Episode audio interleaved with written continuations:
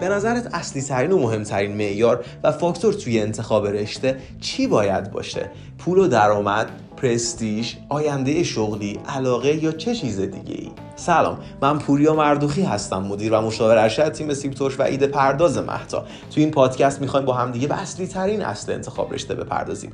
قبل از هر چیز من یه کوچولو خودم بهت معرفی بکنم. من دوازده ترم دندون پزشکی خوندم و ترم دوازده قبل از اینکه کارهای مربوط به پایان نامه رو استارت بزنم انصراف میدم از رشته دندون پزشکی و وارد رشته داروسازی میشم. دلیل این انصراف و تغییر رشته دیر هنگام چیزی جز بی و نفرتی که نسبت به دندون پزشکی داشتم نبود. حالا از اون طرف بعضیا هستن که عاشق این رشته هستن و واقعا حالشون تو این رشته خوبه.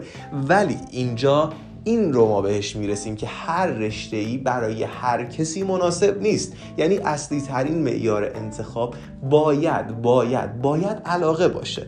من توی جایگاهی که الان هستم از انصرافی که دادم به شدت راضی هستم.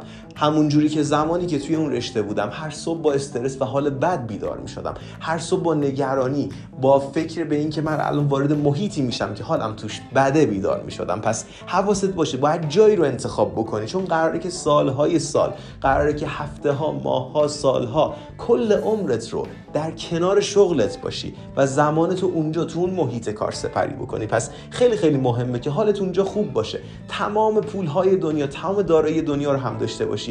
ولی ولی وقتی که ساعتهای تو در اختیار خودت نباشن و در جایی نباشی که حالت خوبه بشه دردتو می‌خوره؟ نمی‌خوام واقعا شعارگونه صحبت بکنم که اگه اینطوری بود من خودم انصراف نمی‌دادم. من در حال این انصراف دادم که کل خانواده مخالف بودن کل دوستان مخالف بودن. با هر کسی حرف می‌زدم می‌گفت نه بابا رشته تو خیلی فوق العاده است. آدم روی همه رویای اینو دارن همه آرزوی این رشته تو می‌خوای انصراف بدی. ولی بچه این رو می‌خوام بهتون بگم که درست هر کسی متفاوته.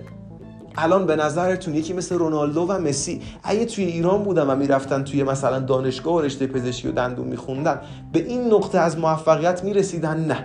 اگه پروفسور سمیعی به جای اینکه مسیر پزشکی رو پیش بگیره وارد مسیر فوتبال یا مسیر هنری یا مسیر مهندسی می‌شد می‌تونست این موفقیت رو به دست بیاره؟ نه. پس یعنی هر کسی اون جایگاه درست خودش رو باید دنبال بکنه. بدونید که درست یک نفر حتما درست همه نیست. بدونید که بهترین جایگاهی که برای یک نفر ایجاد شده حتما بهترین جایگاه من هم نیست. پس اولین و اصلی ترین است توی انتخاب رشته علاقه هستش. بچه ها چقدر تعداد انصرافی ها توی سالهای گذشته زیاد شده؟ کسایی که از پزشکی انصراف میدن وارد رشته های دیگه میشن. کسایی که از مهندسی انصراف میدن وارد رشته های دیگه میشن. کسایی که از رشته های انسانی برمیگردن از معلمی از فرهنگیان برمیگردن وارد رشته های دیگه میشن. دلیل اینها علاوه بر فشار جامعه و علاقه القایی که وجود داره چیزی جز بی علاقه نسبت به اون رشته ای که توش هستن اون افراد نیست. من مثال می‌زنم از افراد موفقی که اصلا مسیرهای رایج و مسیرهای مرسوم رو دنبال نکردن. مهدی رمضانی برنامه نویس همین اپلیکیشنی که تو داخلش هستی. کسی که شاید بگم درآمدش واقعا الان از یک پزشک هم بیشتر باشه و خیلی قرار بیشتر هم بشه. مهدی رمضانی کمتر از 16 سال سن داره.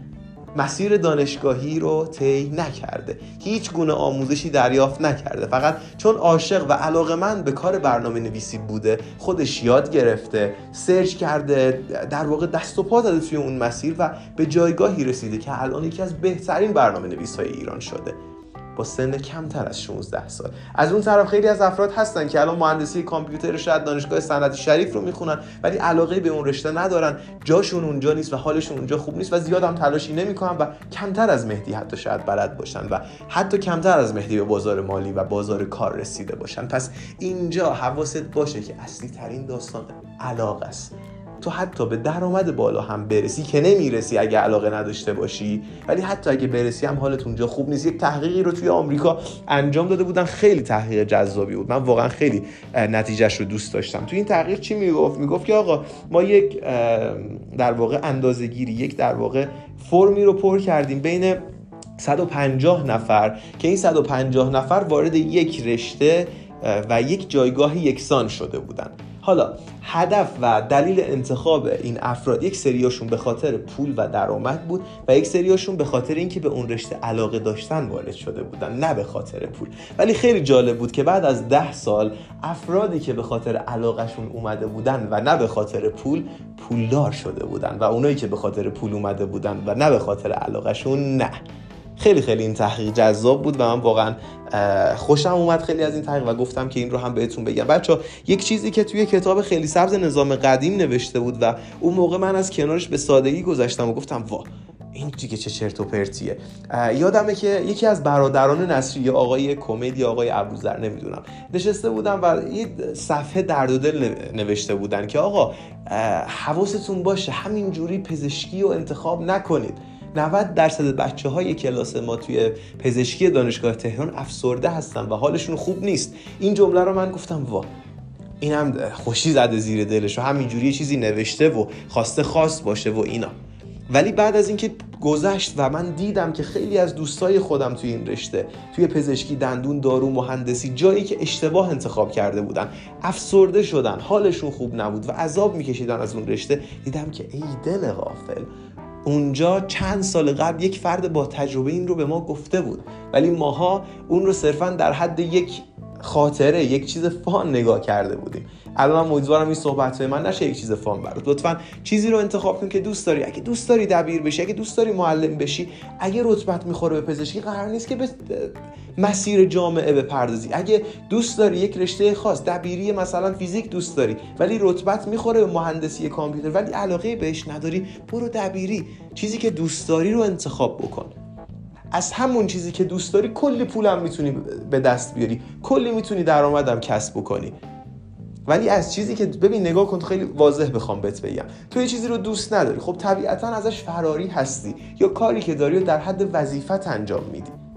در حدی که دیگه فقط به زور کارا پیش بره انجام میدی. و اونجا درخشان نمیشه. چرا؟ چون تمام خودت رو نمی‌ذاری. من توی مشاوره از صفر مطلق شروع کردم از دور افتاده ترین نقطه کشور با سرمایه صفر. ولی چون عاشقش بودم به بالاترین نقطه در واقع الان تیم سیبتوش معروفترین تیم و بزرگترین تیم مشاوره توی کل کشور شده. از صفر به این نقطه رسید. دلیلش عشق و علاقه بود. دلیلش لذت بردن از کار بود. دلیلش این بود که همین پادکستی که الان داری میشنوی ساعت چهار و چهل و دقیقه صبح داره ضبط میشه. پس این رو بدون که علاقه باید اصلی ترین معیار انتخابت باشه نه هیچ چیز دیگه. یک مثال دیگه من برات بزنم امیرعلی رستمی که توی کنکور 96 رتبه اگه اشتباه نکنم 26 یا 22 تو این رنجه این رتبه رو کسب می‌کنه به دلیل بیعلاقگی سال 1400 انصراف میده و کنکور ریاضی میده. من تحسینش می‌کنم آفرین میگم به این جسارت و چون خیلی ها واقعا این توان رو ندارن که این کار رو انجام بدن که این تغییر رو توی آینده خودشون توی زندگی خودشون ایجاد بکنن. ولی وقتی همچین چیزی رو ما می‌بینیم پس بدونید که پزشکی تهران منی که دندون پزشکی خوندم خیلی ها که رشته خوب رو خوندن ولی حتی جسارت این تغییر رو ندارن بی نسبت به رشتهشون. پس تویی که الان در مسیر انتخاب رشته ای اولویتت رو لطفا علاقه قرار بده. البته یه نکته وجود داره. تحت عنوان علاقه القایی علاقه کاذب علاقه دروغین که حتما توصیه می‌کنم voice مربوط بهش رو گوش بدی که خدای نکرده درگیر اون علاقه القایی و دروغین نشی. یعنی خیلی وقتا ما اشتباه فکر می‌کنیم. من خودم فکر می‌کردم به دندون پزشکی علاقه دارم. در حالی که اینطوری نبود. پس حتما لطفا وایس علاقه القایی رو هم گوش بده که توی این دام نیفتی. چون متاسفانه توی سالهای گذشته خیلی زیاد شده. کسایی که از رشته های مهندسی از رشته های علوم انسانی حتی از رشته پزشکی دندون پزشکی و دارو انصراف دارن میدن و اصلا رضایت وجود نداره. خیلی از بچه های رتبه برتر رو ما می‌بینیم که به جای اینکه دیگه بپردازن به اون کارشون به اون شغلشون اومدن توی فضای کنکور توی فضاهای مختلف توی کارهای business ی به خاطر اینکه به اون رشته خودشون به اون چیزی که به دست آوردن بی علاقه هستن. پس خواهش می‌کنم انتخابی رو انجام بدید که یک عمر لذت ببرید. یک عمر فقط و فقط بشینید از کارتون از کارتون انرژی مثبت و عشق دریافت بکنید. نه اینکه به زور اون کار رو انجام بدی صرفا برای گذران زندگی. مرسی که به این پادکست توجه کردی و گوش دادی. امیدوارم که معیار اصلی انتخابت رو علاقه و نه اینکه این رشته با کلاسه و نه اینکه این رشته آینده شغلی داره که هر رشته ای که تو خوب باشی توش درخشان باشی توش آینده شغلی هم برات خواهد داشت. امیدوارم که به گوش بدی. موفق باشی.